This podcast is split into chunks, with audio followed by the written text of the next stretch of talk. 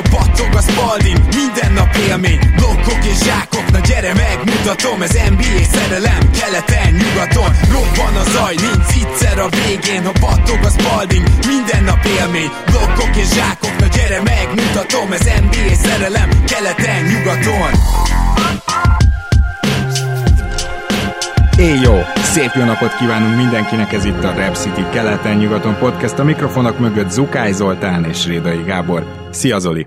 Szia Gábor, sziasztok, örülök, hogy itt lehetek. A mai adásunk egy overreaction, mint ahogy most éppen nyomjuk a sorozatot, úgyhogy senkinek nem lesz akkor a meglepetés, ha bár olyan szempontból mégis, hogy ezen a héten ugye három adás is bekerült a rotációba, mert hogy az előzőt azt ugye sikerült úgy felvennünk elsőre, hogy kaptunk egy kék halált egy perccel a vége előtt, de se baj, mert bepótoltuk. Viszont most is hat csapatot nézünk majd végig, és ebben megint lesz segítségünk, mégpedig az egyik újdonsült szakértőnk, aki már volt egy overreactionbe, és igazából nagyon jó visszajelzések jöttek ugye tőletek, kedves hallgatók, úgyhogy éppen ezért nem volt kérdés, hogy ismét meghívjuk majd, ő pedig Borné Gergely, itt is van velünk. Szia Gergő! Szia Gábor, szia Zoli! Köszönöm a meghívást, üdvözlöm a hallgatókat! Szia Gergő, köszönöm, hogy újra elfogadtad a meghívást. Azt javaslom, hogy kezdjünk ezúttal nyugaton, annak is az elején, és beszéljünk egy kicsit a Denver Nuggetsről, amely egy olyan csapat, aminek a győzelmi mutatóját nagyon magasra várták szinte mindenhol, és azt mondanám, hogy ezt az elvárt szintet egyelőre nem hozzák, de azért magabiztosak, de azért ott vannak az élboly után, mondhatjuk így, és a Denvernél ilyen elmúlt három évre visszamenőleges szokása az, hogy teljesen dupla VTF vereségeket tudnak összeszedni, és úgy látszik, hogy ha más nem, ez az egy szokás, ez minden szezonon és minden körülményen átível náluk, az a helyzet, hogy a Denver leginkább bárkitől ki tud kapni, nagyon meglepetésszerűen furcsa off night vannak, majd beszélünk arról, hogy, hogy mik, mik az állandó tényezők náluk, de Gergely, akkor először azt kérdezném tőled, hogy melyik a Denvernél az a pár dolog, amire így, így elsőre rámutatnál, akár mint pozitív, akár mint negatívum? Először is szerintem a szezonjukat eddig két részre kell szedni. Az egyik, ameddig volt Porter Junior, és amióta nincs. Én úgy látom, hogy egyelőre mindenfélét próbálgatnak. Azt már látták, hogy Joki csal az élen meddig tudnak jutni, ha egyedül van. Most idén visszatért Murray és Porter, és megpróbálják, hogy tovább tudunk-e jutni, ha nem csak Jokicsra számítunk. Ezért például az első tizenakárhány meccsen, amik Porter is volt, Jokic számai mondjuk a tavalyihoz képest jelentősen visszaestek, és próbálkoztak mindenfélével és volt, ami bejött, volt, ami nem, és az egész szezonjuk rámehet erre a próbálkozásra. Más kérdés, hogyha Porter nem fog tudni visszatérni, vagy, vagy csak nagyon hézagosan lesz, akkor mi jön ki majd ebből az egészből. Elképesztő mennyiségű időt játszik továbbra is együtt a kezdőjük, és érdekes módon, amikor Porter kiesett, és Brown bekerült a kezdőbe, akkor az, hogy Jokic számai elkezdtek nőni az ő kis kihagyása után, az egy dolog, de jelentősen visszaesett, nem a támadás Porter hiányában, hanem a védekezés Brownnal. Egyrészt Brownnak is gyenge szezonja van, másrészt pedig az, hogy Melo ennyit játszatja mindig együtt a kezdőt, hogy ha abból valaki kiesik, akkor az új emberhez nem tudnak megfelelően igazodni. Szerintem. Igen, igen. Így. Nekem is van egy ilyen érzés, most nyilván muszáj Denvernél erről a kezdőpad kérdéskörről beszélni. Például arról, hogy valamiért leigazolják DeAndre Jordan-t, valamiért újra és újra előkerül már, amikor azt hinné az egyszerű Denver szurkoló esetleg, hogy eltemetik a pad végén. És a kezdő az nagyjából azt mondanám, hogy Porter Junior nélkül is működik, viszonylag jól hozza magát, a pad az se védekezni, se támadni nem tud. És az egyetlen ilyen érdekes kísérlet, erről Zoli többet mesél, mert minden meccsüket látta, hogy Latko Csáncsát megpróbálták centerbe, egy picit ilyen Cserejokic szerepbe, és szerintem az legalább kinézett valahogy. De egyébként az, hogy miért nem játszik Nagy hogy miért nem ő a cserecenter, vagy miért nem egyszerűen Jeff Green a cserecenter, miért nem próbálkoznak small ball-lal. Na én ezt nem teljesen értem. Tehát egy picit az, hogy ennyit játszik együtt a kezdő, az determinálja azt is, hogy a pad rossz lesz, de ez a pad ez most nagyon rossz, az NBA egyik legrosszabbja, és ettől konkrétan szenved a csapat. A WTF vereségek, amiket mondtam, nem csak abból jönnek, hogy a pad rossz. Nagyon ritkán, de a kezdő is. Nem tudom, védekezésbe egyszer csak eldobják magukat, szóval nem annyira rossz védekező kezdő ez, de vannak meccsek, ahol képtelenek védekezni, szóval ez is egy problémájuk, ez az inkonzisztencia, de azért az, hogy ezen a padon gyakorlatilag Bones Highland minden negyedik, ötödik meccsén tud hozni valami kiemelkedő támadásban, és ennyi, az egyelőre determinálja azt, hogy nem tudnak kiválóak lenni, csak jók. Zoli, te, aki tényleg minden meccsüket láttad, hasonló érzésekkel vagy? Egyrészt minden igaz, amit elmondhatok, tehát hogy semmit sem tudok külön-külön megszáfolni. Talán amit tudok tenni, hogy, hogy egy más, más fényt, másféle fényt vetek erre az egész történetre, mert, mert attól még, hogy ezek igazak, a kiinduló pontot, a kontextust egy picit lehet árnyalni. Az teljesen egyértelmű, hogy a padjuk ugye borzasztó. Itt, ami az ok okozatot illeti, abba bele lehet kicsit nézni. Nyilván itt MPG szerepe, ahogy, ahogy Gergő mondta, vagy utalt rá legalábbis, erősen belejátszik ebbe az, hogy ő kihagyott ennyi meccset, az nyilván azt jelenti, hogy, hogy a kezdőben a játékosoknak kellett beállni, akik egyébként a padot erősíthették volna. Tehát amikor ugye Brownnak is kezdenie kell, nem tud ugye MPG egyáltalán bevethető lenni, akkor, akkor automatikusan ez szerintem már csak az emberanyag miatt is a liga egyik leggyengébb padja. Ami a triplázást illeti, Bones fejlődött, de, de nem érzem azt, hogy egyébként más szempontból nagyon különböző típusú játékos látnak, mint ahogy. Kicsit nőtt a usage százaléka, de nem feltétlenül akkora ugrásról beszélünk, mint amit én szerettem volna. Abszolút vállalható játékos, nem fogja nagyon elveszíteni neked a meccset, nem is egy olyan fiatal fenomén, akit, akit esetleg vártunk volna, és a, amit a felvillanásai egyébként időnként jeleznek. Tehát azon túl, hogy, hogy idén elit triplázónak tűnik már, nagyon sok minden nem csinál a pályán. Egy kicsi playmaking, egy, egy kicsi, ki, oda tudok érni picit a, a büntető vonalra, de, de abban se ugye extra. Nyilvánvalóan itt ebben benne van a fizikumban is, tehát nem várhatjuk el ettől a Ropi sráctól, hogy, hogy agyon, agyon üttesse magát. A DeAndre Jordan dolgot nem tudom megvédeni, tehát az, az szerintem Melon hülyessége. Melonnal kapcsolatban ugye az évek során picit árnyaltabb lett a véleményünk, őt sokáig nagyon-nagyon rossz edzőnek tartottuk, aztán talán megenyhült ez a vélemény kicsit abban, hogy még mindig nem tartjuk őt egy X, X és O géniusznak, ugye, aki le fog téged taktikázni a pályáról, de azt már azért látjuk mi is, és azt hiszem, hogy beszéltek több eszembe is itt a keleten-nyugaton, téged is beleértve, Gábor, hogy egy nagyon-nagyon jó mentor, egy nagyon-nagyon jó tanár, egy nagyon-nagyon jó pedagógus, és imádják a játékos, hogy ez teljesen egyértelmű. Tehát van egy csomó érték, amit Melon hoz, ami kohéziót ad ennek a csapatnak, ami hitet ad ennek a csapatnak, de nem feltétlenül az, edző szerintem, aki csúcsra fogja őket vinni. Tehát úgy vagyunk vele, én azt gondolom, hogyha egy konklúziót levonhatjuk Melonnak kapcsolatban, hogy már elfogadtuk azt, hogy ő van itt, értjük, hogy miért látják benne ezt, a, ezt, a, ezt az edzőt, de valószínűsíthetően egy új, nála sokkal taktikusabb, jobb edzővel tudnak majd esetleg csúcs közebe jutni, uh-huh. ha csak nem változik ugye nagyon drasztikusan a keret. Záró gondolatként itt ezzel kapcsolatban, hogy gyakorlatilag tényleg mindent elmondhatok, és a Csancsár dolog tényleg relatíve jól működött egyébként, bár természetesen ugye védekezésben ő azért egy elég erős mínusz. Még ha valahol nem, az egyébként érdekes mondom pont a center post. Ja. Ha belegondolunk és végignézzük ezt a rostert, akkor tulajdonképpen elmondhatjuk, hogy ez egy teljesen megváltozott kezdő. Tehát a, a tavalyi csapatból ugye csak Jokic és Gordon van gyakorlatilag a kezdőbe. Igen, MPG és Murray ugye már ott voltak előtte is, de, de nagyon-nagyon régen tudtak együtt játszani viszont cserébe vissza is tért a régi, gyakorlatilag ilyen radikális különbség és kamionsofőr díjesélyesség, ugye a harmadikok most támadásban 27-ek védekezésbe, tehát úgy tűnik, hogy az, ami, ami ezt közelebb hozta a tavalyi idényben, az az volt, hogy Murray és MPG nem játszott, és ami most újra szétszedi, az megint az, hogy ők játszanak. Igen, tehát nyilván, nyilván nehéz, vagy talán lehetetlen is elitvédekezést csinálni Murrayvel és MPG-vel, azt gondolom, hogy ebben egyetértünk, viszont ennél szerintem tudnak sokkal jobbak lenni. Tehát, hát az biztos. Uh, ilyen, ilyen 15. hely környékére szerintem oda tudna élni ez a defense majd, de ehhez még egyszerűen idő kell, és itt tényleg az új srácokra gondolok, eddig KCP és, és Brown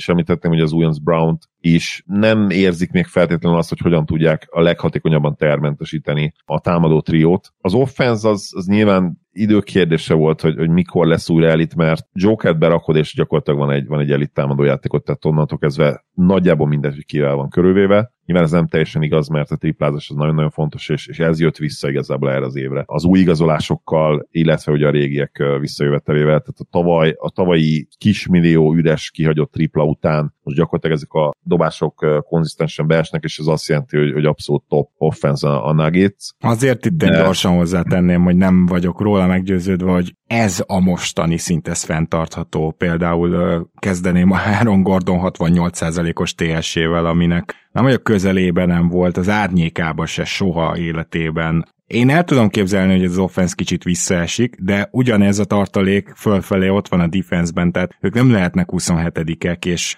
Persze megint a leggyengébb gyűrűvédő csapat, ez szerintem a Denverről és jó kis csapatokról valószínűleg végig lehet majd mondani, hogy ott lesznek a, a legrosszabbak között ebben az egy tekintetben, de azért a védekezés nem csak erről az egy dologról szól, és amikor ők jobbak voltak, akkor más dolgokkal ezt ki tudták javítani, tehát nem lettek hirtelen jó gyűrűvédő csapat, most ugye a gyűrű közeli kísérleteket a legrosszabbul védik, de azért ezt a statisztikát azért is érdemes megnézni, mert viszonylag jól tartják távol a gyűrűtől az ellenfeleket. És ez akármilyen furcsa, ez a jobb kombó, tehát azt hiszem, hogy 18. legtöbb gyűrű közeli kísérletet kapják csak. Sokkal rosszabb kombó lenne az, ha legtöbbet kapnák, de csak a 18. hatékonyság. Igen, nyilván ebben egyébként ebben a magas százalékban az is benne van, hogy pontosan ez a taktika, hogy távol akarod őket tartani, tehát agresszíven, kimé- agresszíven kimész a, a periméter játékosokra, és hogyha azokban a pillanatokban, amikor viszont elviszik mellette, akkor egy teljesen padhelyzet van, és onnan már nem nagyon tudsz mit csinálni, maximum faltolni tudsz, tehát nyilván ez is benne van abban, hogy, hogy magas százalék mert hogyha elkötelezed magad egy ilyen, ilyen taktika mellett, akkor nyilván a, a, a gyűrű alatt azért lesznek, lesznek kellemes, meg, kellemetlen meglepetések, amikor valaki a kreatív labda kezelésével be tudja jutni ezt, ezt elég sok labda kezelő idén azért már bizonyított a nuggets hogy ha, ha már be tud jutni oda, akkor ott azért nincs olyan nagyon nehéz dolog már. Azért is, mert akkor már teljesen ugye el van csúszva a védekezés, amelyik arra, abba investált, hogy megpróbálja megállítani ezt a, ezt a penetration. Én, én türelmes lennék abszolút a kapcsolatban, ez, ez gyakorlatilag egy új csapat, relatíve új csapat így együtt, és igen, melon hülyeségeit leszámítva, ami ugye például az, hogy 15 percet adni meccsenként Diadani Jordannek is többet játszotni, mint, mint Zék Nagyit, azt nem nagyon lehet megmagyarázni, tehát ennek, értelme nincs. Már csak azért sem, mert uh, tudod, hogy még Melon se annyira hülye, hogy a play ba játszassa majd komoly szerepbe DeAndre Jordan, tehát nyilvánvalóan 15 percet sem fog átlagolni, hanem maximum ilyen 5-6-ot, vagy 8-at, mint ugye Meggi esetleg, bár tavaly itt talán többet játszott a Suns de, de a lényeg igen ez, hogy, hogy ezt leszámítva én, én abszolút türelmes lennék még velük. Aki kicsit csalódás, vagy, vagy mondhatnám is akár, hogy nagyon nagy csalódás, az is Smith azért, tehát tőle, tudom, hogy sérült is volt, de azért ő nem olyan öreg még, hogy ezt a teljesítményt kellett volna várnunk. Tavaly kifejezetten jó szezonja volt a Washingtonban, és, és ez nagyon nagy csalódás eddig, amit csinál. Igen. Tehát amikor egészséges, akkor sem tud igazán impact pályára kerülni. 12 perc átlagol, ugye 10 meccsen játszott, mondom, sérült, ott persze értjük, de, de amikor játszott, akkor is borzasztó volt, úgyhogy tőle jöhetne esetleg egy olyan javulás, ami azt eredményezné, hogy picit jobb lehet ez a Nuggets, és akit pedig én szeretnék pályán látni időnként, az, az, az Jack White. Azt gondolom, hogy ennyire borzasztó gyenge paddal Melonnak már meg kellett volna néznie őt, hogy, hogy mit tud. Sok veszíteni valójuk nincsen igazából. Igen, itt a pad tekintetében. Gergő, nálad van-e bármi még, amit nem mondunk el a Denverről? Én több mindenre is reagálnék. Az egyik még a védekezéssel kapcsolatban, hogy Porterrel nem lehet jó védekezést csinálni. Ennek a számok idén egy picit ellentmondanak, mert igazán akkor horpad be a védekezésük, amikor ő már nem volt és a Caldwell Pope Gordon, Jokic, Murray Porter 5-ösnek plusz 17-es net ratingje volt, úgyhogy 101 volt a defensive ratingjük, ami azért elég jó, és ez lett 114 romlott, amikor Brown került be a kezdőbe. Tehát csak ezt az ötöst, nem a teljes csapatot nézve, hanem csak ezt a két ötöst összehasonlítva. Igen, úgy érzem, hogy itt most muszáj megjegyeznünk, hogy ez kis minta, mert ez oké. Okay. Egyikünk hát azt akarja mondani, egyébként hogy NBA szinten nem olyan kis minta, ilyen 250 perceket egyébként, játszottak. Én, bocs, hozzátenni, hogy szemtesztre idén nagyon megy egyébként, nagyon próbálkozik Porter védekezésben, de az a probléma, hogy le is nyilatkozta ugye, hogy, hogy azt várja magától, hogy, hogy egyszerűen minden a védekezéssel kezdődik, és ez látszott egyébként, csak ilyenkor ugye még nagyobb az esélye, hogy megsérült, tehát most se egészséges. Úgyhogy ez a probléma, hogy tök jó az a mentalitás, de, de ő egyszerűen nem fogja bírni ezt, hogyha védekezésben is, is megy, de, de mondjuk más választás meg nem nagyon van, mert csak így tud igazából impact játékos lenni úgy igazán, hiszen nem, nem fog senki köré egy offense építeni, bármennyire is tehetséges. Igen. Na jó, akkor menjünk át Orlandóba, azt javaslom. Hát csak azért is, mert az Orlandó most a kis kedvenc csapatomat, a Raptors szépen kétszer is megverte, és pedig még mindig vannak hiányzóik, ezt az Orlandót, és most itt tényleg nem Jonathan Isaacről beszélek, hanem a keret maradékáról, még így se láttuk teljesen egészségesen. És hogyha valaki ránézne most a tabellára, akkor szerintem azt látná, ó, hát az Orlandó tankol, meg fiatalokat játszat, ja, ja, ezeknek a fiataloknak, ha ezek megtanulnának nyerni, akkor már most play-in helyen állnának. Ez nekem teljesen meggyőződésem. Továbbra is masszívan alul teljesítik egyébként a net ratingjüket, ezt ugye már korábban is mondtam velük kapcsolatban, és szerintem az is nagyon fontos, hogy az Orlando Magicnél ezt a rengeteg fiatal tehetséget abból a szempontból is megnézzük, hogy hogy ez a Long Boys kísérlet, ez, ez hogy megy. Nekem nagyon érdekes, hogy tényleg felraknak gyakorlatilag három center méretű, időnként három és fél center méretű játékost egyszerre a pályára, és aztán felmerült bennem, hogy végül is akkor ezért kapnak ki, és tulajdonképpen nem tudjuk még, sok zónával jár ez, ennek vannak következményei, például feladott triplák, de ami igazán érdekes, hogyha már itt a Longs Boys-ra akarok reagálni, akkor azt szerintem az, hogy ők utolsók stílben, rohadt jó blogban, de, de utolsók stílben, és összességében az ellenfél kikényszerített hibáit nézve, tehát az ellenfél TO százalékát is eléggé lent vannak. Na most, ugye azért egy ilyen hosszúságú, időnként zónázó, időnként emberfogó csapattól nem csak a blokkokat várná az ember, hanem ha már így vagytok fenn, akkor szerezetek is labdát, ez az, ami nem nagyon történik meg, és talán ennek is köszönhető, hogy az Orlandó csak 26. védekezésben pedig erre nagyon alkalmas állományuk van, hogy egy, egy korrekt védekező csapatot fölhúzzanak. Egyébként a másik érdekesség, hogy nagyon lassan játszanak, tehát a fiatal csapatoktól megszoktuk ennek az ellenkezőjét, de az Orlandó lassan játszik. És támadásban pedig valahol ennek az ellentetjeként túl sok labdát veszítenek. Szerintem egyelőre ezek úgymond ilyen kicsit ezek a ruki hibák, kicsit ez a, a, amit még meg kell tanulni, és jobban össze kell szokni, de még egyszer mondom, és ezzel megvédeném őket, a mérlegük nem mutatja azt, hogy milyen jók, mert egyrészt folyamatosan sérült valaki, vagy leginkább ketten-hárman, másrészt pedig kicsit több szerencsével már jobban állnának, mert a net ratingjüket még így is alul teljesítik. Ezekkel a bevezető gondolatokkal, akkor most Zoli, neked adnám a szót a magic kapcsolatban. Én is úgy érzem egyre inkább, hogy, és most többet láttam őket, ugye ellenetek lejátszott két meccset is láttam a közelmúltban, hogy, hogy a Magic nem egy rossz csapat, hanem a Magic egy fiatal csapat. Tehát abszolút ez az érzésem, hogy ők nem rosszak, hanem fiatalok. Amikor nézed őket, akkor, akkor érzed azt, hogy ők most próbálják kitalálni, hogy ki mikor, kihez mikor kerüljön a labda, hogyan dominálják a labdát, hogyan kell nem a saját pozíciójukban játszani, ugye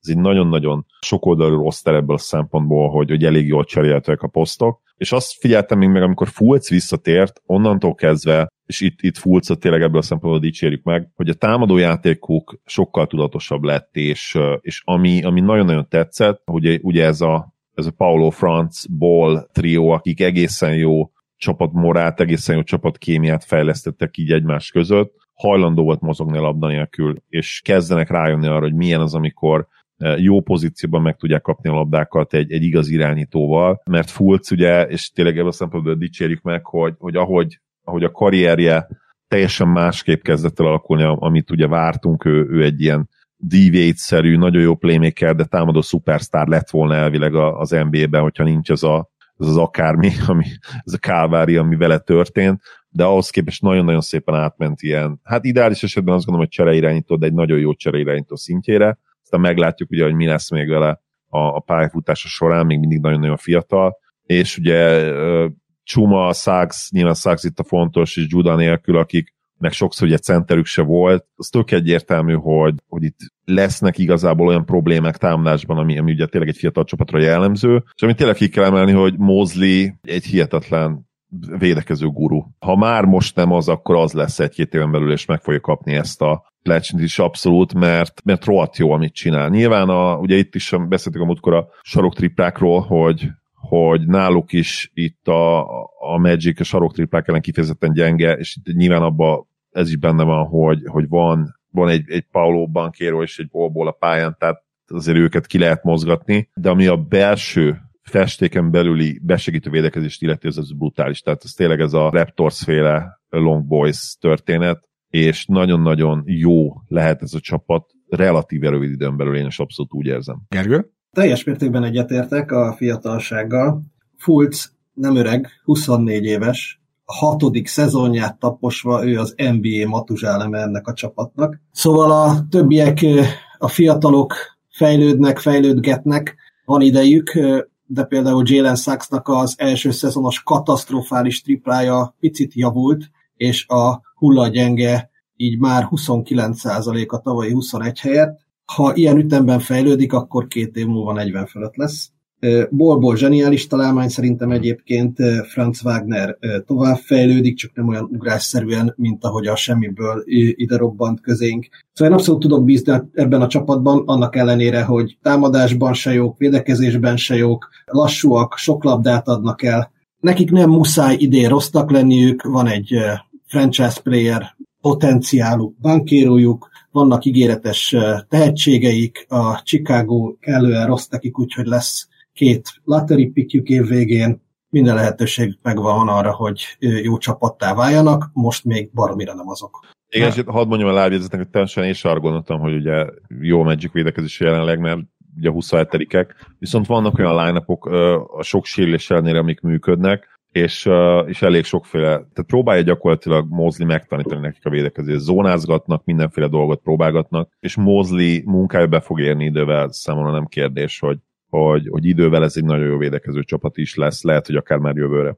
Igen. Picit sok triplát adnak fel így összességében is, de hát ez nyilván, tehát ebben benne van az, hogy ők elképesztő módon tudják majd védeni a gyűrűt, hogyha ez összeáll. Tehát abba a hosszúságba belegondolunk, amit ők felpakolnak, hogyha ők egy idő után egy kicsit a Bucks-féle védekezés felé elmennek, akkor itt lehetetlen lesz a gyűrű közelébe pontot szerezni. Tehát csak végig sorolva azt, hogy váltogathatják majd, hogyha visszajön Isaac, akkor őt is, de így is Bamba, Wendell Carter Jr., Bolból, és akkor még Bankero sem egy vészes gyűrűvédő. Franz Wagner is, Mo Wagner, a Wagner tesók szintén, ezért ők elég hosszúak, tehát hogy, hogy azért ez nagyon érdekes lehet hogyha ez beteljesül, vagy hogyha ez végre kiegészül. És én már előre félnék egy picit a Magic drukkerekejében, hogy tényleg van két, még két draft picket itt be kellene majd építeni. Én szerintem a Magicnek nem csak, hogy minden joga van azt gondolni, hogy nagyjából megvannak már most, hanem tényleg ők nyerni akarnak majd a következőkben is, és nem is tudnának igazán kiültetésekkel tankolni mert most is folyamatosan sérülgetnek, mondom, kettesével, hármasával, és mégis azt látjuk, hogy egyre jobban összeáll a dolog. Én nagyon kíváncsi lennék, hogy most egy átlag szurkoló mit mondani, hogy hanyadik helyre várja a Magic-et az eddig látottak alapján, de én megkockáztatom, hogy hát a Detroitot, meg a Hornets-et jó eséllyel megelőzhetik.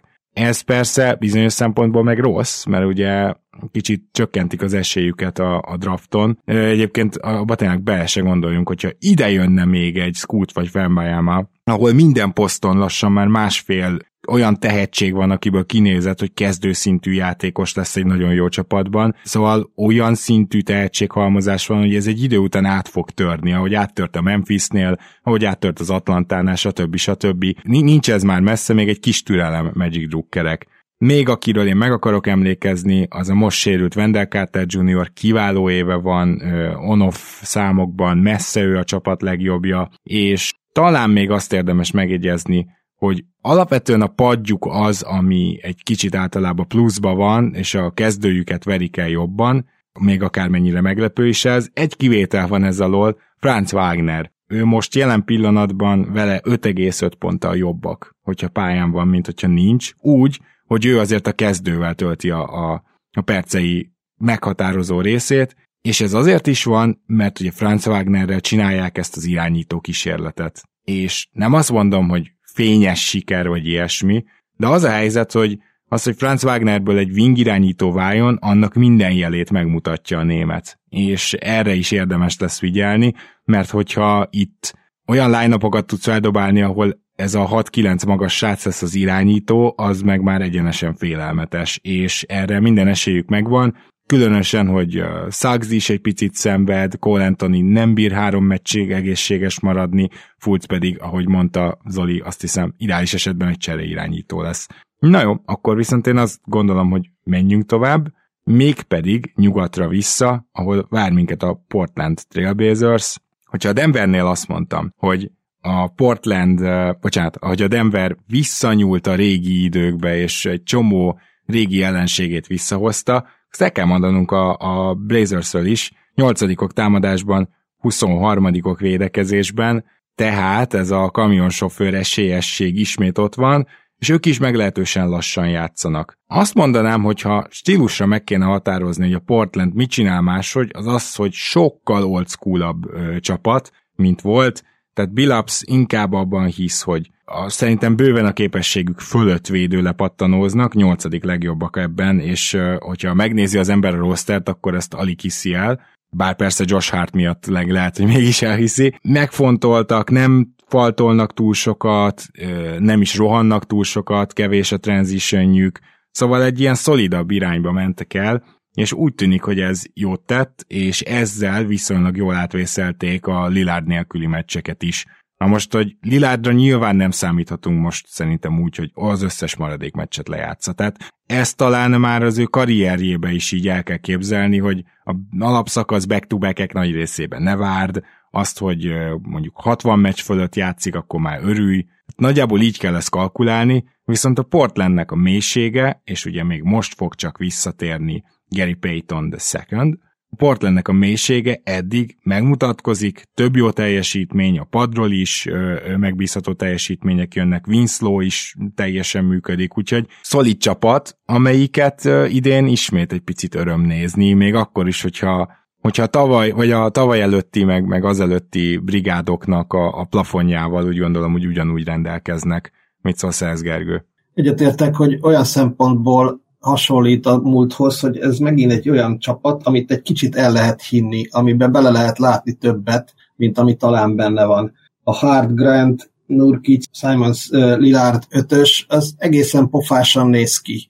Most a Lillard távollétében Grant és Simons egészen jól játszott, nem is véletlen, hogy Lillard, amikor visszajött egyből azt nyilatkozta, hogy azt szeretné, hogy a visszatérésével megmaradna ennek a két srácnak az agresszivitása. Ezt majd meglátjuk, hogy így lesz mert labdából továbbra is egy van, és főleg például, hogyha Lillard olyan dobó fesztiválokat rendez, mint már a víradó éjszaka 11 triplával, háromnegyed alatt, egészen jó százalékkal, akkor egyszerűen nem fog labda jutni a többieknek elég.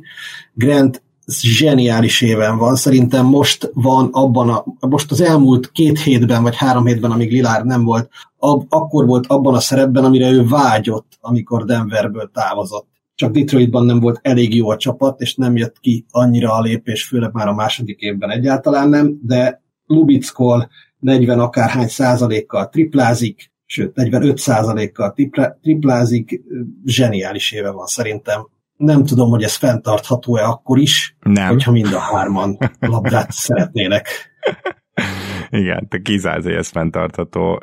Van még egy-két dolog, ami nem fenntartható Portlandben, de azért én mégis azzal kezdeném, vagy, vagy nem kezdeném, folytatnám, hogy, hogy jegyezzük meg, hogy bizony rengeteg felül teljesítő van ahhoz képest, amit vártunk, és ez a csapat jobb, mint amit vártunk, és hogyha most kellene megtippelni, akkor azért én nem lepődnék meg, ha play-in csapat lenne, de most már biztos, hogy nem play-in csapatként gondolok rájuk. Tehát ez az alapszakaszban, ez működhet, az lesz a kérdés, hogy ez a csúszás, ami a védekezésüket jellemzi, ugyanis ők ennél magasabban voltak, akár 12.-15. hely környékén is a szezon elején, vagy korai szakaszában, Szóval ez a csúszás, ami most a védekezésükkel történik, ez mennyire lesz permanens, hogy, hogy végül ott kötnek ki, hogy megint ilyen 27-ek lesznek, mert akkor, akkor bajba lehetnek. De hogyha ezt meg tudják állítani, és nyilván nincs annyira sok jó védőjük, de mégiscsak most jön vissza a liga egyik legjobb periméter védője, vagy vissza, most mutatkozik majd be. Tehát, hogy én ebben nagyon bíznék a Portland helyében, hogy amikor Gary Payton sikerül visszaépíteni, akkor ezt a vérzést is el tudják állítani, és ha ez megtörténik, akkor ez egy playoff csapat, már mint úgy értem, hogy top 6-os csapat. Zoli? Paytonra nagyon kíváncsi leszek, mert szerintem őt, és nyilván hogy valószínűleg a Blazers szurkolók ezzel nem fognak egyetérteni, hogy én őt abszolút beraknám a kezdőbe, és Simons nálam menne ugye a cserepadra, nyilván amikor D megészséges, amikor nem, akkor ugye maradna ez. Szerintem pontosan a kezdőnek a, egy, egy olyan típusú játékos lenne szüksége, mint ő, és még jobb lenne ez a Portland, és hogyha nyilván a, a crunch time záró line természetesen ott lehet Lillard Simons, és ott lehet akár egyébként Peyton Third is, nyilván úgyis le, lemehet small ballba, és a Nurkicsot ugye nem, nem hagyott fenn, lehet akár Grant ugye a centered, és akár Hartal is, tehát ilyen four line az szerintem nagyon-nagyon jól tudna működni, elővéve kicsit a Carlisle special Vicces egyébként, hogy ugye az előző adásunk, amit tegnap jött ki, hát én eléggé lehúztam Démet, de aztán nyilván jön egy ilyen 11 triplás meccsel. Ettől függetlenül ugyanúgy csapdajátékosnak tartom, viszont azt hozzá kell tenni, hogy idén egyébként remekedik, tehát, tehát idén abszolút szupersztár szinten játszik. A probléma az, hogy, hogy elég sok meccset hagyott már most ki, és hát meglátjuk, hogy ugye ez, ez ho, hova fog vezetni majd a, a szezon hátralévő részében. A Portlandnek teljesen egyértelmű, hogy mit kellene ugye megoldania a, a védekezést, a, az offense az ugye top 10-ben van, igazából erre legyünk őszinték, számítottunk is. Így van. Nem először fordul azért elő, hogy nyilván a tavalyi tank szezon nem kell számolni, de hogyha megnézzük például a 2021-es évet is, ott is, ha jól emlékszem, top 10 környékén voltak, és úgy ugye Dame Lillard köré azért, köré azért fel lehet építeni egy, egy általában ilyen offense Az tény, hogy top 5-ös uh, offense azért nem minden évben, tehát az, az kell nyilván több, több faktor is, de egyébként ez is sikerült már Démnek, ugye 19-20-ban akkor harmadik volt a, a Portland támadásban.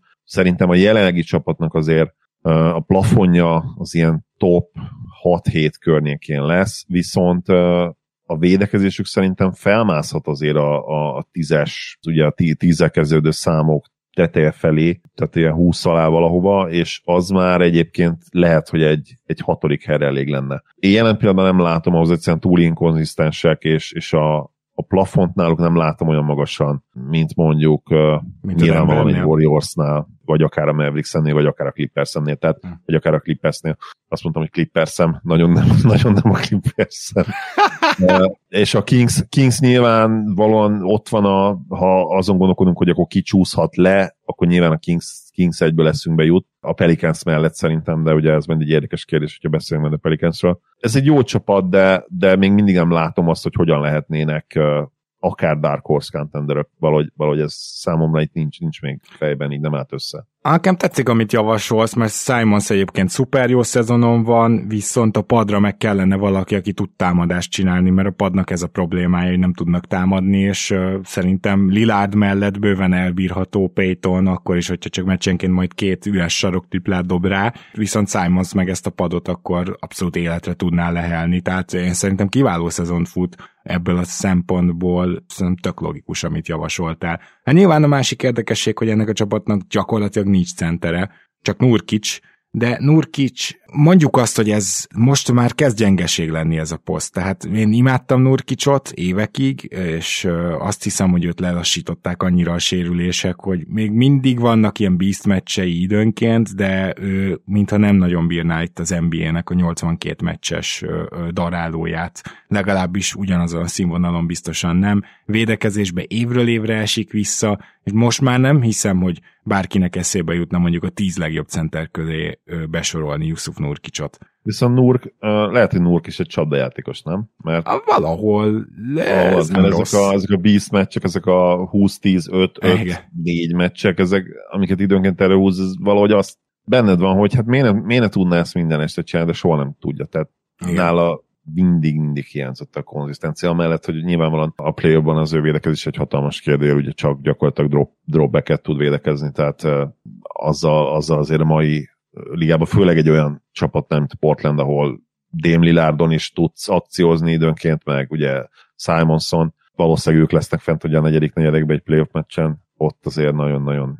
erős, hogyha csak dropbacket tud védekezni a centered, és hát nyilván erre volt egy, egy tökéletes megoldás Larry Nance Jr., de hát oda kellett adni a cserébe. Gergő, neked bármi van-e még a Portlandről? Sajnos lelőtted az utolsó felírt dolgomat, hogy Nurkic már nem tudja egyedül felhúzni a védekezést egyértelműen, és kiemelném még, hogy idén még nem tudta le a szokásos több hetes sérülését. Igen. Ez még, az, az idő még hiányozni fog az év hátralévő részében. Meglátjuk egyébként, hogyha Gary Payton tényleg beépíthető jól a védekezésbe, akkor nem csak Nurkicson fog múlni, akkor lehet, hogy még ki lehet belőle hozni. Szóval, hogyha Gary Payton tényleg be lehet jól építeni a védekezésbe, akkor már nem csak Nurkicson múlik az egész, meglátjuk, hogy ha nem ő az egyetlen bástya, akkor ő, mi lesz, azért Grant is tud védekezni. Ilyen szempontból több lábon állhat majd ez a még nem létező portlandi védekezés. Lillard egyébként olyan számokat hoz, mint két évvel ezelőtt, aminek a végeredménye egy elsőkörös búcsú lett a playoffban a Denver ellen. Ez idén is benne van ebben a csapatban, egy elsőkörös búcsú szépen meghalva. Az a durva, hogy az adásfelvételnek pillanatában harmadik a Denver és hatodik a Portland. Ha most kezdenék el, akkor pont ez lenne a helyzet.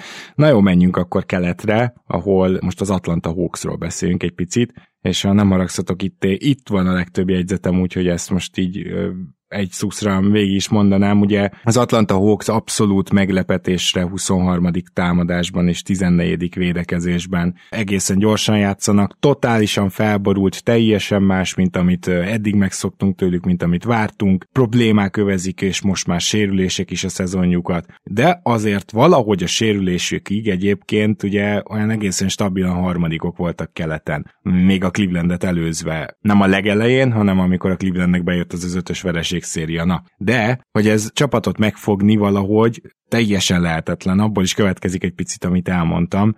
Azért azt gyorsan elmondanám, hogy amíg ők nem voltak sérültek, és most egyszerű ült már ki Murray, meg Trey Young, meg Collins, meg Capella, szóval, hogy értjük azt, hogy most miért kaptak ki például a Memphis-től simán de amíg mindenki nagyjából egészséges volt, addig ez volt az egyik legnagyobb fake good team, vagyis hogy ilyen áll jó csapat, és már alig vártam, hogy ezt elmondjam velük kapcsolatban, mert egyrészt a net ratingjüket is túl teljesítették, másrészt pedig hatalmas shooting luckjuk volt, tehát elképesztően rosszul dobták ellenük, egyébként még mindig a hatodik legrosszabb az ellenfelek wide open tripla százaléka náluk, de, de ez az egész ligában a legrosszabb volt. Szóval hatalmas shooting lakkal meneteltek, clutch gémeket megnyerve, ami nyilván itt kis mintánál hozzá kell tenni, hogy bőven benne van a pakliban, de ők teljes kerettel sem voltak olyan jók, mint amilyennek tűntek. Ez az első, amit le akarok szögezni. A másodikat azt inkább hagyom, csak így előjáróban nekem baromira tetszik ez a nagyon fiatal Atlanta, akit most láttam a Memphis ellen, élmény volt őket nézni, annak ellenére, hogy esélyük se volt. És hát ugye pár dolog, a Trae Young offense-re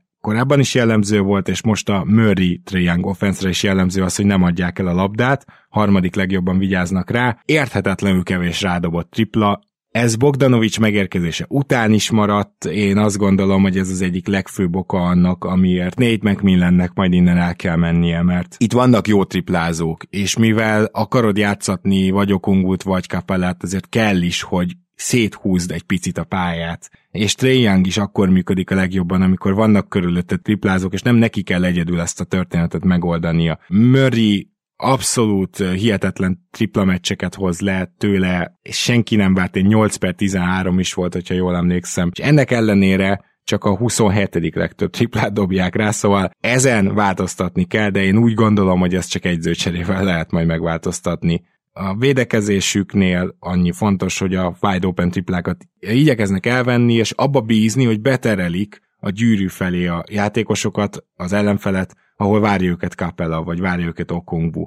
És ugye emlegettem ezt a Denvernél. Szóval náluk fordítva van, náluk jó a gyűrűvédelem, mégpedig nagyon jó, csak éppen egészen sokat megy be oda az ellenfél, és ez a rosszabb kombó. Azt tudnatok kell, hogy a közvetlen gyűrűvédésnél a jó az mondjuk ilyen 56-7 százalék, a rossz az meg mondjuk Jokicséknek 69, ez tényleg kiúróan rossz a Denver ebben, de de ez nem olyan nagy különbség, és már így is egy 50 fölötti százalékos dobásról beszélünk. Tehát, hogyha ebbe belegondol az ember, akkor inkább próbálja meg ezt elvenni, mint sem abba bízni, hogy Capella hogy védi a gyűrűt, és azért Capella jól védi a gyűrűt, de nem egy Jaren Jackson Jr. azért őse. Szóval ezek így a nyitó gondolataim. Zoli, te mit gondolsz erről a Hawksról? Olvasgattam a héten a, a Redditen, meg Real GM-en a Hawks szurkolók véleményét, és érdekes kettősség van most bennük. Egyrészt nagyon sokan leegyszerűsítik azzal, hogy... Várj, kitalálom, Fire Macmillan. Igen, ez is benne van abszolút. Másrészt pedig uh, szimplán annyi, annyi a probléma, hogy Trae még, még nem kezdte jól a szezont. Rosszul kezdte a szezont, ahogy ő feljavult, gyakorlatilag ez egy top 15-ös védekezés, mert ez ugye megmarad, és egy top 10-es támadás és, és iránya a hazai pálya. Lehet, hogy ez lesz egyébként a helyzet, tehát én sem feltétlenül tudok azonosítani olyan egyértelmű problémát, ami, ami nem megoldható idővel, hogyha a sérüléseket is ugye beleszámítjuk, mert nyilván itt az is fontos, hogy egyszerűen jelenleg sokan nem tudnak játszani. Tehát, ugye, ahogy említetted, gyakorlatilag öt rotációs játékos nem tudott játszani a, a Memphis ellen. Nyilván már előtte is az előző meccseken is voltak problémák, de, de jelen pillanatban egy, egy csomó olyan dolog van, amiben lehet kapaszkodni, hogyha Hawks szurkoló vagy, és az igazság, hogy, hogy én is e felé hajlok, hogy, hogy egyszerűen nem tudom megkongatni a vészharangokat, mert ez egy potenciálisan nagyon-nagyon jó csapat lehet, és egyszerűen látnunk kell azt, hogy ahogy Trey Young feljavult támadásban, ami nyilván csak időkérdése, meg tudják-e nyilván tartani ezt a védekezést, ami, ami kifejezetten konzisztens, és amikor visszatérnek azok, akik ugye sérültek elég sokat, akkor hogyan fog kinézni ez a csapat? Szerintem sokkal-sokkal jobban fog kinézni. Mm, igen, ebben én is biztos vagyok. Gergő, te mit gondolsz így a Hawks eddigi szezonjáról, hogy mennyire kellene pánikolni esetleg most a visszaesés és a sérülések miatt?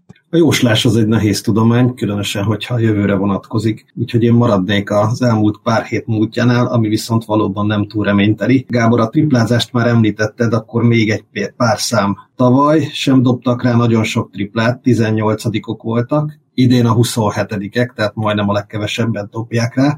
Cserébe tavaly bitang jól dobták, második legjobb százalékkal, idén a második legrosszabb százalékkal. 37-ről 32-re 5 százalék ponttal esett vissza a tripla százalékuk. Ebből Young 38-ról 28, Collins 36-ról 22, ha ezt ki tudják javítani, az ilyen instant 10 pont meccsenként. Mm, Hunter vállalható, Bogdanovics 38% 10 kísérletből több, mint jó. Kérdés, hogy Bogdanovics tud-e egészséges maradni. Nyára lesz egy player optionje, meglátjuk, mit fog kezdeni a jövőjével. Ha Bogdanovics folyamatosan egészséges tudna maradni, akkor ő ilyen all közeli játékos lenne az NBA-be. Szerintem ezt most már lassan több éve bizonyítja, meg azt is, hogy nem tud, hogy nem tud egészséges maradni. De minden olyan stretch, ahol két hónapig egészséges, a második hónap végére számokban is kezd elképesztő lenni, a, nagyon ott van a jelenléte a pályán, tehát tényleg nagyon nehéz dolga lesz az Atlantának, hogy meghosszabbítja -e ezt a játékost, vagy nem. Beszéljünk arról is picit, és Gergő, visszadobom a szót, csak nem tudom, hogy mi a véleményed erről a Nate McMillan kérdésről, mert szerintem ez egy olyan kérdés, ami, ami sokkal jobban ott lóg a levegőben, mint azt gondolnánk. Tehát azt akarom most megkockáztatni, hogy sérülések ide vagy oda, hogyha folytatja ezt a lefele csúszást az Atlanta mondjuk még egy két-három hétig, akkor én nagyon könnyen el tudom képzelni, hogy Nate McMillannek megköszönik szépen. Részben kitérek a válasz elől, nem tudom, hogy lenne saját véleményem, de nagyon befolyásolt vagyok már általatok, illetve az, hogy mennyire egy húron pendül a magyar NBA közösség agya. Tegnap cseteltem közös barátunkkal, Mészáros Petivel egyéb témákban is. Jeleztem neki, hogy készülök az Atlantából, és a papíron pozitív oldala feltűnően üres, mondjon már pár jó dolgot. Hát hármat tudott mondani, Dejon Temeli, A.G. Griffin, és talán lesz hamarosan egy normális edző. Na igen. Na igen, Griffin elképesztő mesnyerője egyébként egy, egy külön élmény volt, és Griffint nézni is külön élmény, és amiért én ezt elmondtam az elején, hogy a fiatalokat nézni tök jó, mert kiderül az, hogy ezek a fiatalok ezek sokkal használhatóbbak, mint amennyire Macmillan használja őket. Most nyilván, hogyha a az első három opciódból egyik sem lép pályára, akkor nem fogsz tudni támadni, és a Memphis átrohan rajta, tehát oké, okay, de az, hogy Jalen Johnson egy egész jó 3 játékosnak tűnik, már ha játszatják. Az, hogy AJ Griffin, hogyha többet kapja meg a kezébe a labdát, akkor így folyamatosan hozza 20 pontokat, és körülbelül egy 3-level scorernek, vagy háromszintű pont szerzőnek látszik. Hát ezek a dolgok, ezek azért derültek ki, mert sérülések vannak, nem azért, mert Macmillan kiderítette volna őket. Szóval én nagyon szeretem itt az Atlanta fiatal magját, és most ugye már egy ideje fiatal Atlantáról az jut eszünkbe, hogy Trey Young meg John Collins, nem, most már az a következő generációról beszélek. Szerintem van itt kakaó,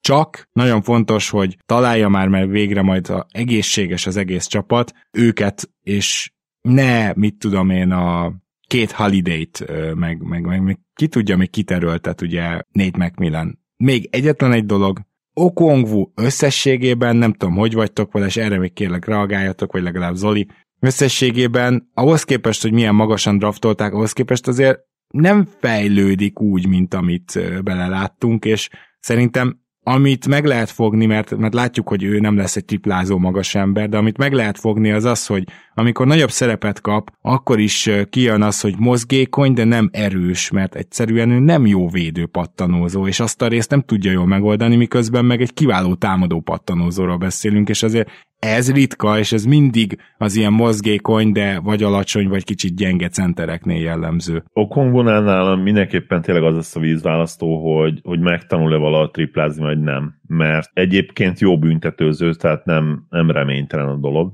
Láttam a videót róla, amikor nyilván mindenki jól néz ki, ugye tudjuk, NBA-ben edzésen, tehát bármelyik Romel verni a, a jobb amatőr is egy teremben, de de nála tényleg szerintem relatíven nem, nincsen nagyon nagy probléma a dobóformával sem. Nyilván nem úgy néz ki, mint Steph Curry, mert pont Steph Currynek egyébként nem egy ilyen normál textbook dobása van. Rohadt sokat kell investálni még Okongóba, és, és szerintem nem szabad elengedni, és abból a szempontból még lehet, hogy jól is járat a Hawks, hogy, hogy olcsóbban meg tudják majd tartani, és ő róla egyébként már tudtuk a, a draft idején is 2020-ban, hogy ő egy projekt lesz. És nem feltétlenül probléma, hogy, hogy ő nem egy ilyen hirtelen instant bevethető újonc volt, meg, meg az sem, hogy ez a fejlődési görbe picit laposabb. Ő nem egy, nem egy AJ Griffin, akiről mindenki tudta, hogy ha egészséges marad és berakod, akkor gyakorlatilag azonnal bármikor hoz neked hatékony 12-14-16 pontot is akár. Nyilvánvalóan más típusú rookie volt, ugye Okongbu és más típusú fiatal játékos is, mint AJ Griffin, de nekem egyébként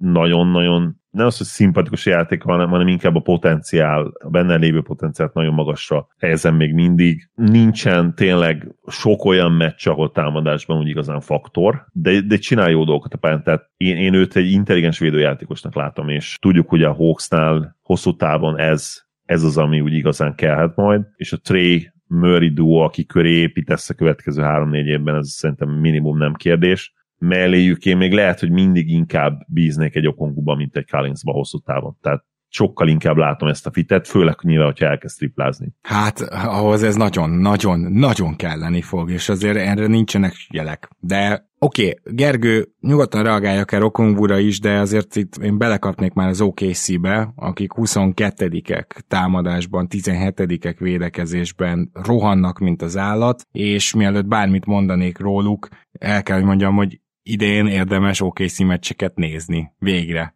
És egyelőre még nem ültettek nagyon kis senkit olyan tankolási célzattal, egyelőre még mennek előre, és hatalmas só Ságérgis Alexander, meg például Pokusevski életében először NBA játékosnak néz ki, úgyhogy én nekem idén egy kicsit ilyen nem titkos favoritom, hanem úgy megnézem, ha tudom a Thundert, és vártam már, hogy róluk egy kicsit beszélhessek. Gergő?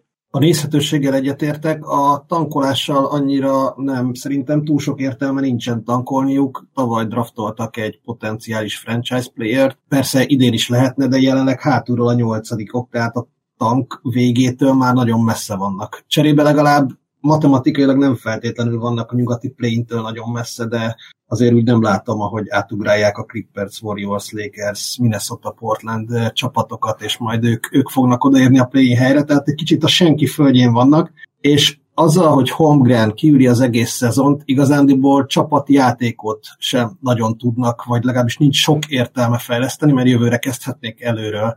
Cserébe nagyjából büntetlenül kipróbálhatnak bármit és bárkit. A rohanáson kívül én azt érzékelem, hogy így mindenki föl van hatalmazva mindenre a csapatban, és bárki bármikor eldobhatja, bárki bármikor betörhet, mindenkinek mindent szabad, és ebben eléggé lubickolnak, és akkor most jön el az a pont, amikor nyilvánosan kanosszát kell járnom, és meg kell követnem Shai Gilgis Alexandert, akinek valami egészen elképesztő szezonja van, és azt hagyjál, hogy én tavaly nem néztem ki belőle ekkora fejlődés, de ezt egy kommentben leismertem írni, úgyhogy ezen nem megkövetem. Nem tudom, hogy hol van a plafonja. tényleg rohadtul hatékony, mindent is csinál egy-egyben, tehát hogy nem feltétlenül arról szól a történet, hogy eh, mennyi asszisztot dobál ide-oda, de amit ő most a labdával művel, és ahogy a gyűrűt támadja, és ahogy mindenféle módon, mindenféle távolságról veszélyes, azt, azt élmény nézni. Szerintem simán all szinten játszik, és azzal, hogy Mitchell és Murray átmentek keletre, még olyan nagyon politikai okát se látom, hogy ne tudna odaférni a nyugati all-star gárdok közé. Mármint szerintem itt kezdő szintről beszéltünk, vagy All-NBA szintről beszéltünk, tehát az nem kérdés, hogy ő all meg Mitchell ide vagy oda nem kérdés, hogy ő all ő jelenleg top 10-es MVP esélyes játékos. Az, hogy az ő jelenléte és a folyamatos betörései azok mit okoznak, az de emlékszünk, hogy tavaly is vezette a ligát az OKC drive-okban, tehát betörésekben. Idén olyan toronyú magasan vezeti a ligát ebben az Oklahoma City Thunder, hogy a második hely nem is látszik, annyira messze van. Abban is igazad van, hogy nem csak Ságilgis Alexandernek lett most kiadva a zöld jelzés, de azért alapvetően a társak benne bíznak, visszakerül hozzá a labda, ő pedig hát ilyen Jamorant-szerű, nem, nem a szerű a jó szó, hanem hogy szintű vagy gyakoriságú betörésekkel bekígyózik. Igazából nyilván nincs olyan atletikussága, mint Jamorantnek, viszont elképesztő fineszes, kicsit egyébként Jalen Brunsonra emlékeztet szteroidokon, és persze azért magasabb és atletikusabb testben.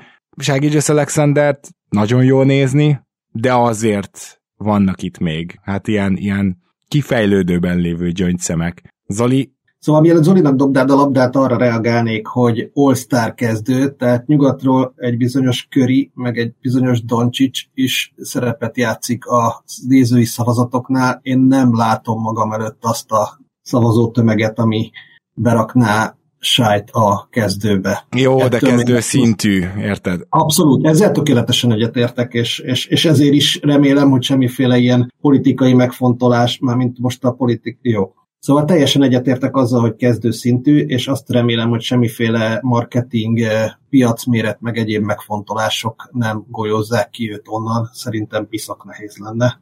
Zoli, Ságegyes Alexander, neked is nagy kedvenced, de azért beszéljünk kicsit a többiekről is. Nem tudom, hány OKC meccset volt szerencséd idén megnézni. Mit szólsz egyébként ehhez a Pokusevski jelenséghez, hogy csak addig szerencsétlenkedett, amíg addig kapta a lehetőséget, amíg nem kezdett el. Nem azt mondom, hogy egy jó csapat kezdőjének kinézni, de hogy így NBA-en pályára küldhető játékosnak kinézni. Mármint, hogy érted, hogy addig kapta meg a lehetőséget? Hát, hogy folyamatosan kapta a lehetőséget Poku, annak ellenére, hogy tragikus volt, és ja, csak igen, addig, igen. addig játszották, ja, amíg... Értem, az egész, igen. igen. Uh, gyakorlatilag igen, tehát most konkrétan a Csábónak volt egy kifejezetten jó hónapja, ami, hogyha figyelemmel követtétek a Poku jelenséget, akkor tudjátok, hogy ez mit jelent.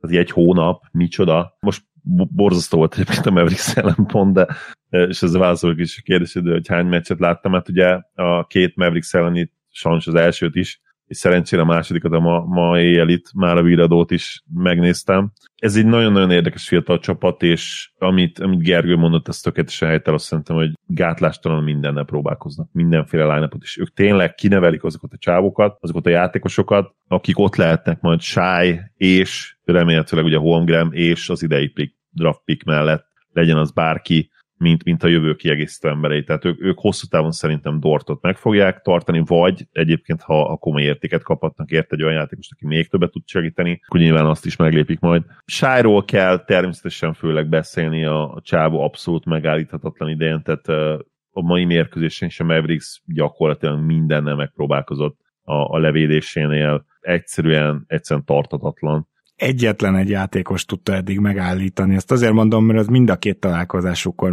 megtörtént, ez pedig Dylan Brooks, és szerintem pont ez az ilyen agresszív kismalac mentalitás az egyetlen, ami sajt kényelmetlen helyzetbe tudja hát, hozni. Igen, vagy, vagy lehet, hogy véletlen volt, igen, nem tudom. Nem, szóval mind a két meccset hát. megnézve elképesztő, hogy mit művelt rajta Brooks. Én értem, tehát nyilván, de az, az, az meg nyilván te is egyet fogsz érteni, hogy kap brutális védekezéseket sűrűn, és van, hogy megoldja, tehát úgy, úgy is lehet tud hozni egy 35 pontos meccset, hogy rohadt jó védekeztek rajta, tehát szerintem Sáj eljutott erre szintre, és hogyha te azt mondod, hogy, hogy kezdő, all kezdő szinten van, akkor nyilván te is ezt mondod, tehát az ilyen játékosokra nincsen védekezés. egy-két meccsen igen, meg lehet állítani őket, de, de lehet, hogy a következő már 45 pontot fog dobni Brooksról, szóval uh, itt, itt inkább én amellett vagyok, és amondó vagyok, hogy itt a, a, a megoldás és a kulcs mindig a támadó játékos kezében van. Én ebben nem tudok egyet érteni, főleg megnézve azt a két meccset. De nézd meg, nézd meg majd te is, és kíváncsi vagyok, hogy mit okay, gondolsz. Oké, csak ez ugye meg ellentmond azzal, amit mondasz, tehát akkor ezzel azt mondod, hogy, hogy akkor mondjuk Doncsicsnál se Doncsicson múlik, meg Durantnál se Duranton múlik. Nem, mert... nem, nem. Én azt mondom, hogy az az egy, egy nagyon kevés olyan védő van, aki át tud törni screeneket, és ebbe Brooks elit, egyébként Mikael Bridges a másik, aki ebbe elit. Az a védő, aki ezt meg tudja csinálni, azt tud pont gondot okozni Sájnak, mert egyetlen egy dolgot nem mondhatunk el róla, hogy villámsebes lenne, mert nem az. Úgyhogy Ez na- igaz, nagyjából viszont, e felé mennék. Természetesen ilyenkor is lehet, hogy egy jó mezőny százalékkal dob, de az, hogy Brooksról 45-öt dobna, azt én nem tudom elképzelni. Ahhoz, ahhoz ő túl jó, vagy túl rossz matchup neki. Most gyorsan megnéztem egyébként, hogy mit csinált, igen, két kifejezetten gyenge meccs volt. Na, most már lehet, hogy meg fogom nézni, hogy hány possession okay, volt a Brooks, okay. mert kiderül, hogy összesen védte három-három possession a két meccsen. Nem, nem mondom, láttam mind a két meccset, tehát ezt abszolút a szemteszt miatt mondom. Igen, csak tudom, tudod, ilyenkor hajlamos az ember, tehát ha látsz három-négy nagyon jó védekezést, akkor arra emlékszik az ember, és na mindegy. Ez igaz. Az OKC-re visszatérve nagyon-nagyon kíváncsi leszek, hogy Holgram jövőre hogyan fogja megbolygatni ezt az egész rendszert, amit itt felépítettek, mert talán abban a szempontból nem veszélyes a dolog, hogy ő, ő nem egy olyan játékos, akinek 20 pontot kell átlagolni, mint mondjuk Bankérónak. Ugye Bankéróról mondtuk és tudtuk, hogy tehát ő, őt akkor tudod használni igazán, ha odadod neki a labdát, és ő 20 pontot átlagol, mert, mert ez a legfőbb erőssége, hogy ő egy, egy ilyen első opció skillsettel rendelkezik, és azt neveled ki úgymond belőle. Holgramet nagyon sokféleképpen lehet használni, és, és ebből a szempontból szerintem egy, egy nagyon érdekes kaland lesz a következő év is az okc ahol már nyilván egy play-in helyet azért meg fognak célozni, hanem egy, hanem egy top 6-ot. Nyilván ez az kellene természetesen, hogy, hogy Holgram nagyon-nagyon jól játszik ebbe a nem igazi újonc, de igazából újonc szezonjában. És hát nagyon-nagyon érdekes kérdéskör, hogy kit fognak draftolni, főleg ha mondjuk a Nyilván nem kérdés, ha ők a top pick, hogy kit fognak kihúzni, de, de azt mondjuk megint azért a, bocs, a top 2-nél nyugodtan mondhatjuk, hogy nem kérdés. Igen, a top 2 nem feltétlenül, de, de a, top, a top 1 az, ami most egyértelmű. Most már azért én láttam Elmen Thompson-t is, és második helyen, aki ugye szintén egy olyan típusú játékos, aki gyakorlatilag szuperatléta, és nyilván Vemet nem számítva, aki, aki egyértelműen a leg, legelképesztőbb atléta, nem csak ugye posztól függetlenül, de valószínűleg az NBA történetében. Elmen Thompson egy, egy abszolút különbséget jelentő atléta, aki, aki tényleg szárnyal a pályán, és, és ő azért még áthúzhatja ezt a dolgot, de az biztos, hogy ha nem, ő, nem az övék az első pick, akkor ők guard pozícióba uh-huh. tudnak nagyon-nagyon jó játékos, mert ugye mindenki gyakorlatilag hátvéd a top 6-ból, top 5-ből gyakorlatilag Vemen kívül négy, négy nagyon erős jön jelen pillanatban utánuk, és amúgy ez is egy érdekes dolog lehet, hogy szerintem simán ki, kiúszhatnak egy hátvédet is, és Sáj simán vissza tud menni kis csatárba is akár, és ott is oda tudod a kezébe adni a labdát. Szerintem az OKC még nem fog fitre húzni jövőre sem. Nem tudom elképzelni egyszerűen, hanem a, ugyanazt fogják, amit mindig is csinálnak, az adott pozícióban a legnagyobb, legkomolyabb potenciál bíró játékos fogják elvinni, akik, szer, aki szerintük a legnagyobb a bír. Igen, és így fel kell tenni a kérdést, hogy nincsenek-e már most is túl sokan, és hogy meddig lehet ezt csinálni, szóval én azon se lepődnék meg, ha előbb-utóbb be, megpróbálnak végre beváltani egy másik sztárra a csipeket, ugye. Gyorsan elmondanám azt, mielőtt tovább megyünk, hogy klasszik small ball csapat annak erősségeivel és gyengességeivel például egy Rahedli second chance pontot kapnak, mert ugye ebbe a keretbe konkrétan nincs center. Egy darab se ilyen négyesek, négyes, ötös átmenetek időnként fenn vannak a pályán, néha az se. Viszont cserébe a small ball line természetesen egy csomó labdaeladást kikényszerít, úgyhogy amit el tudtok képzelni small ball line az megvan. Keveset jutnak egy kicsit a büntető vonalra, ez az, ami sájon kívül a keret nagy gyengesége. Tehát, hogy Ságégyus Alexander még csak-csak, a többiek azok egyáltalán nem tudnak büntetőt kiharcolni. Kicsit a wide open triplet most túl jól dobják ellenük az ellenfelek, azt mondanám, a védekezésben még lehet feljebb. Talán még így ezt jegyezném meg az Oklahoma City-nél. Én minden esetre mindenkit arra bátorítok, hogy nézze ezt a csapatot, mert elég jó őket nézni, és lassan itt is kialakul már végre az a fiatal mag, amivel látod a jövőt. Gergő, neked bármi hozzáfűzni valód még esetleg hozzájuk? Egy pici van, Zolihoz visszakérdeznék, mert Dortot emlegette, mint az egyik potenciális kiegészítő jövőre, és értem, hogy neki több éves szerződése van. A mezőny munkája tovább fejlődik, assziszt, labdaszerzés, lepattanozás, de támadó oldalon ez a 40%-os mezőnyözés 31%-os triplával, ráadásul a tripla mozdulata valami olyan lassú, ezt nem mondom, hogy Kyle Andersoni lassúság, de hogy nagyon lassú mozdulata van, hogy hol látott te a támadó oldali plafonjádor? Nagyon jó kérdés, Gergő. Nyilván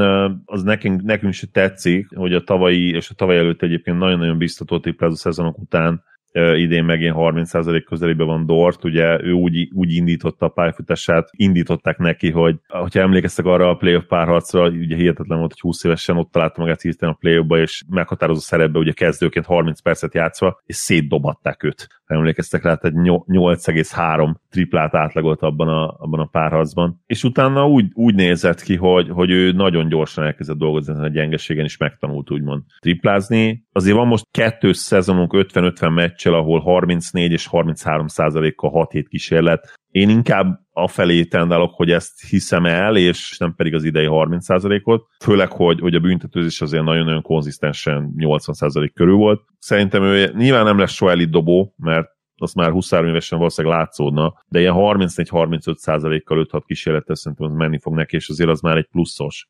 játékos, főleg ha azt nézed, hogy ő mit hoz egyébként, milyen ugye intangibles milyen készségeket hoz védekezésben és csapatjáték szempontjából. Menjünk át Clevelandbe, ahol szerintem alásan jelentem, hogy működik a kísérlet, majd Zolik véleményére leszek a legkíváncsibb, mert te voltál sokunk közül a legnagyobb Cleveland skeptikus, amikor Mitchell oda került. Itt 12 támadásban óriási előrelépés ugye tavalyhoz képest, és másodikok védekezésben, ami még a tavalyihoz képest is előrelépés, és talán ez már a meglepő kategória, vagy lehet, hogy egy picit a tartatatlan is.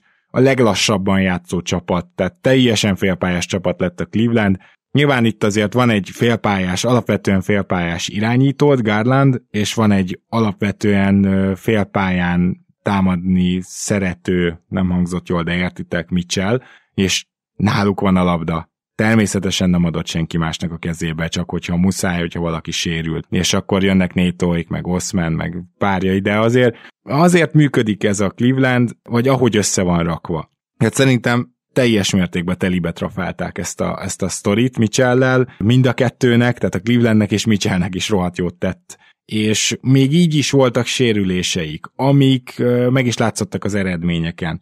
Tehát amit akarok mondani a cleveland kapcsolatban, hogy ez a csapat lehet, hogy még ennél is jobb, mint ahogy most áll, és egy nagy meglepetés szerintem az az, hogy ha nagyon szorosan megvizsgálod azt, hogy a, hogy, hogy ők amikor kikapnak, vagy rosszak, hogy az főleg minek köszönhető, akkor nem azt fogod majd találni, hogy amikor Garland nem volt, akkor voltak rosszabbak, amikor Mitchell nem volt, akkor voltak rosszabbak, hanem a legfontosabb tényező gyakorlatilag Jared Ellen lett a csapatban.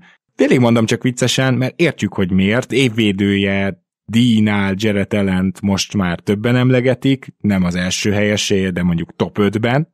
Egyébként nem Evan Mobley-t emlegetik, aki ha van egy kis csalódás a szezonban, akkor az ő, hogy ő nem tudta megtenni azt az ilyen támadásbeli lépést, amit esetleg vártunk. Jared Allen viszont elképesztően jól hozza magát. Nem csak a lepattanózásával, gyűrűt is véd, mozgékony, nagyon jól fejez be, ugye nem csak eliupokat, hanem gyakorlatilag az egyik legjobb rollman lett az NBA-ben, egy, egy, egy új kapela, hogy úgy fogalmazzak. Tehát Jared Allen fontosságát szeretném itt hangsúlyozni, és akkor most Zolinak dobnám a szót. Ellen egyértelműen nagyon fontos ebbe a csapatba, és logikus is ugye az ő skillsetje az, az pontosan az, ami egyébként Mobley mellé rohadtul illik. Ő sem nagyon statikus center, de azért nyilván statikusabb, és Mobley eredeti és legjobb posztja jelen pillanatban azért az erőcsatár. Fiatal, mozgékony, lábjegyzetként megjegyzem, hogy kicsit csalódás nekem mobil támadójátéka, hogy gyakorlatilag úgy néz ki, hogy semmit nem fejlődött támadásban. Főleg a dobására gondolok természetesen, tehát az, hogy sem büntetőzésben, sem tripla dobásban nem tudott semmit előrelépni, az nekem kicsit csalódás, mert benne egyébként én szupersztár potenciált látnék, de ezzel meg lehet, hogy akkor át is húzom ezt, mert aki a mai modern NBA-ben a második évében így támad, az, az nem biztos, hogy szupersztár, és nem biztos, hogy szupersztár potenciál, mert ez egy nagyon-nagyon komoly visszatartó tényező.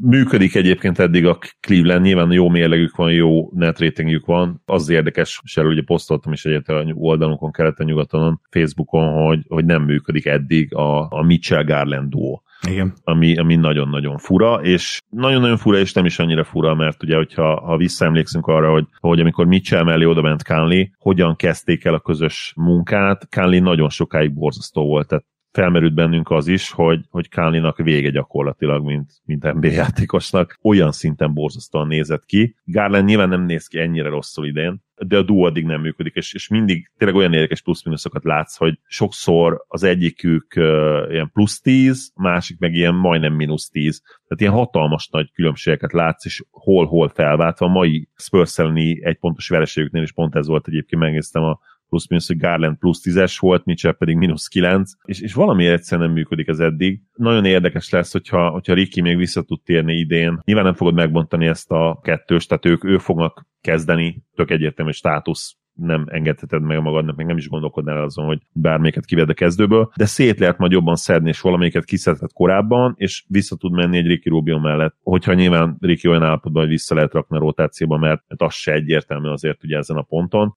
Bár most ugye Néto nem játszott, azt hiszem most volt egy coach DNP-je, tehát az edző döntött úgy, hogy nem rakja be, nem tudom, hogy volt-e sérülése. Valószínűleg nem, mert egyébként jellemző a szezonban, hogy, hogy van, hogy 17 percet játszik, de van, hogy nullát, van, hogy ötöt. Egyértelműen látszik, hogy, hogy nem bízik benne az edző, és inkább egy Ricky Rubiot játszatna, hogyha elérhető lenne. A Cavs, ha meg tudja oldani ezt a dolgot, hogy összeszokik ez a hátvéd duó, és lesz egy, egy jó dinamika, ha visszatér Véd, aki könnyen lehet, hogy a legjobb perimétervédők egyébként, ami vicces, bár lehet, hogy ide azért Moblit mondanám, de... Hát vagy okorót, de azért ez, hogy már ilyen három embert fel tudsz sorolni, az is Igen. mutatja, hogy kezdik jól érezni magukat tényleg a, a abszolút pályán ilyen szempontból. Dean Wade ahhoz képest, hogy, hogy tényleg, hogy fejes srác, és hogy ekkora, ugye bőven két méter feletti, iszonyúan okos, okos védő. Nagyon jól mozgatja lábát, jó helyen van mindig, tényleg le a kalappal, és ugye nagyon jól triplázik idén, tehát benne egy olyan játékos találtak, aki valószínűleg még többet is játszhatna, mint amennyit játszott eddig. Kellemes problémák, ez jut eszembe a Cavsről, tehát kellemes problémák, több potenciális megoldással is. Gergő, neked mi jut eszedbe a Cavsről?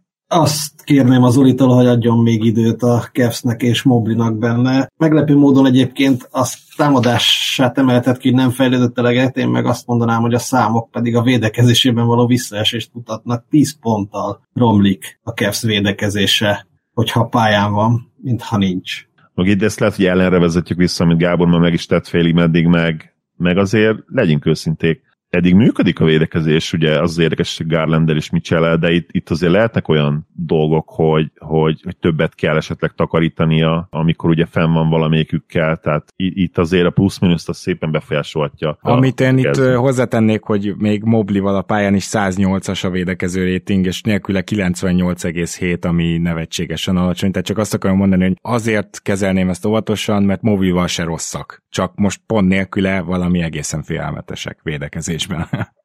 Teljesen egyetértek, éppen ezért egy kicsit azt emelném ki, hogy eh, támadásban viszont nekem, amikor láttam őket, azt tetszett nagyon, ahogy Mobli és Ellen támadásban milyen jól megérti egymást, és igazándiból az asszisztjaiknak jelentős része egymásnak megy. Tök szívesen passzolnak egymásnak, keresik egymást alapvonali bedobásnál is. Tehát nagyon egy húron pendül a két srác, ez így elég biztató a jövőre nézve. Van is szerződésük jövőre, nem is vállalhatatlan mértékben. Igen, amit én még kiemelnék, hogy Kevin Love folytatja az ilyen évhatodik embere szintű játékot, talán egy pici szinten visszább lépett tavalyhoz képest, de, de hogy ez is megtörténik. Karis Levert védekezéséről, mint ilyen anomáliáról, mert beszéltünk korábban a szezonban. Ő is védekezésben így jó tud lenni, úgyhogy ez az, amikor így nagyjából minden klappol, csak legy maradjanak egészségesek. És ezért leszek kíváncsi arra is, amit Zoli mondott, hogy majd Rubio visszaérkezésével tudnak-e ennél is még egy picit jobbak lenni. De ezt majd meglátjuk. Minden esetre Boné Gergely, nagyon szépen köszönjük, hogy ma is eljöttél hozzánk, ha jól számolom, akkor második overreaction volt, de abban biztos vagyok, hogy lesz még,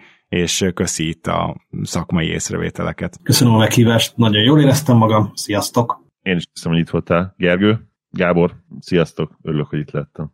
Kedves hallgatók, természetesen tartsatok velünk a hét második felében is, mert jön egy olyan adás, amit egyébként korábbra terveztünk, illetve köszönjük szépen, hogy velünk tartotok úgy M-block, még egy ilyen sűrű héten is, és reméljük, hogy ez az overreaction is tetszett. Ha igen, akkor szavazatotokat a Patreonon lévő kis gomb megnyomásával érvényesíthetitek. Köszönjük szépen, sziasztok!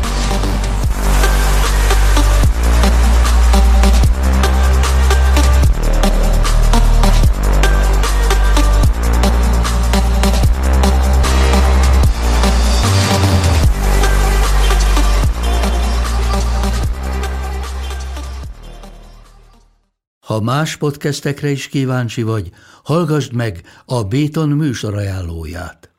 El tudod képzelni, hogy a podcastet, amit éppen most hallgattál, fél év múlva már a mesterséges intelligencia generálja? Mi sem. De ha érdekel, eljött már a gépek lázadása. Hallgass bele az Embertelen podcastbe. Orsós Lajos vagyok, a műsor házigazdája. Egyelőre még élőben. Egyelőre. Fedezzük fel együtt, hogyan ismerkedik, randizik, mesél és vitatkozik Betty és Péter, két teljesen mesterséges intelligencia. Lajos, a podcast címét mond még egyszer, Léci. Oké. Okay. Embertelen podcast. Ez a műsor a Béton közösség tagja.